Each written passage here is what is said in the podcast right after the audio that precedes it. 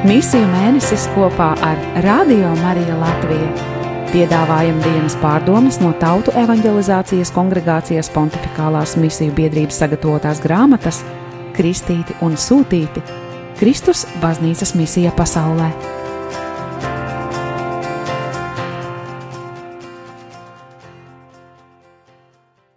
7. oktobris 2019. gads. Pirmdiena parastā liturģiskā laika 27. nedēļā. Vissvētākā jaunava Marija, rožu kroņa karaliene, piemiņas diena. Lūka šo līdzību pasniedz plašākas epizodes kontekstā, kurā Jēzus sastopas ar likuma zinātāju, kurš uzskata, ka var viņu pārbaudīt. Jēzus jau tika pārbaudīts savas publiskās kalpošanas sākumā, kad svētais gars viņu veda tuksnesī un viņš tika vēlna kārdināts.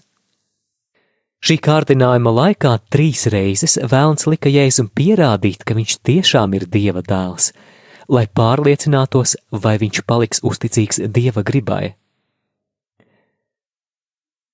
Trešajā pārbaudījumā Jēzus aizdina vēlnu Noslēdzot savu cīņu ar sātanu ar šādiem vārdiem, ir teikts: Nekārdini kungu savu dievu. Lūkas 4. nodaļa, 12. pants. Šodienas fragmentā no Lūkas evanģēlija ir teikts, kāds likuma zinātājs piecēlās un sāka viņu pārbaudīt.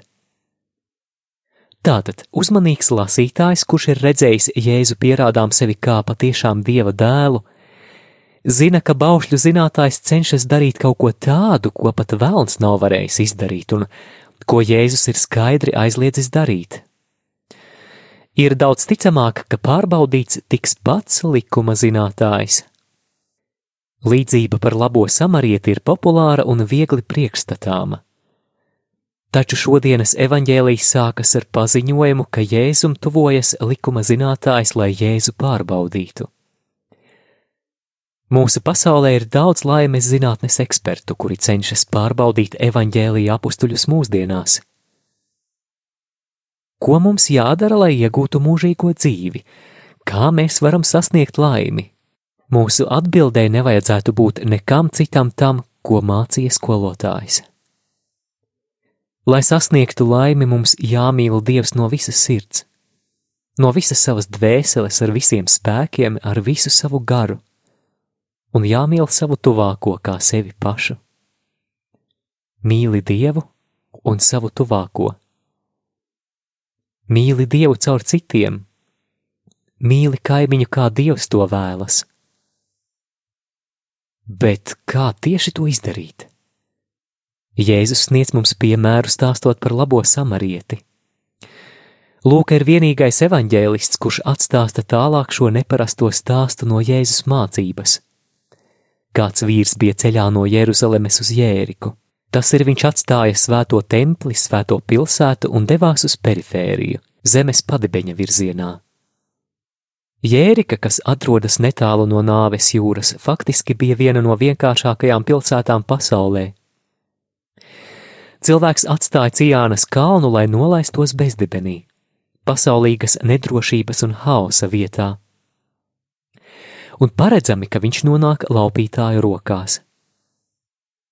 Tieši tādā situācijā ir mūsdienu cilvēks, kurš ir zaudējis ticību, kurš ir pametis svētumu un dienu no dienas grimst nenoteiktības un bezgalības dziļumā. Un pa ceļam ir zagļi, kas nolaupa viņam visu, atstājot viņu apdullinātu, vienatnē un visu pamestu.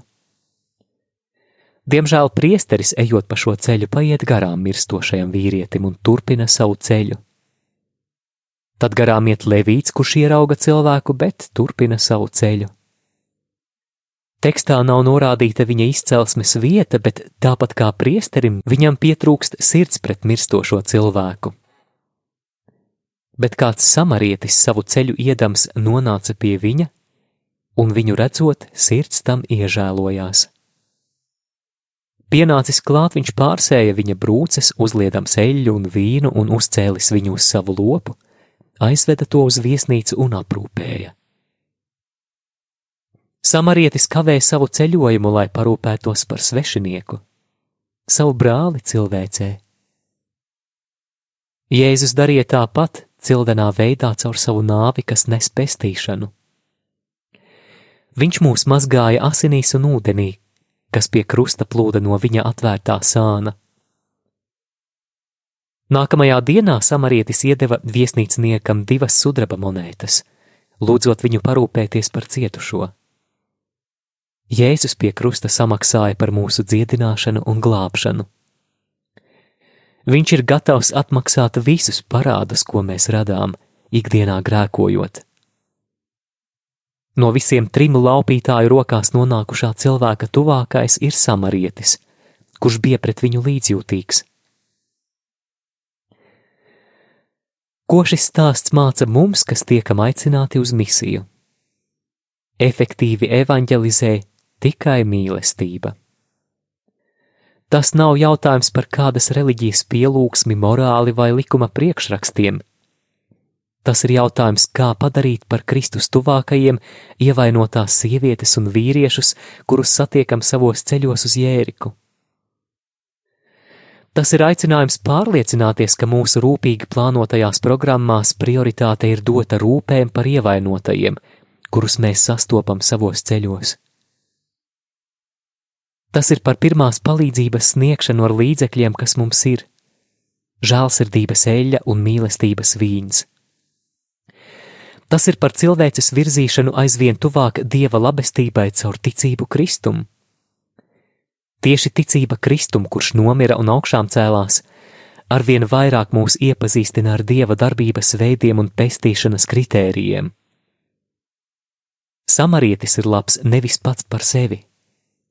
Viņš ir labs, jo domā un rīkojas tā, kā Jēzus būtu rīkojies šajā situācijā. Viņš ir labs pateicoties Dieva labestībai, kuru mēs varam saņemt un sniegt tālāk caur ticību.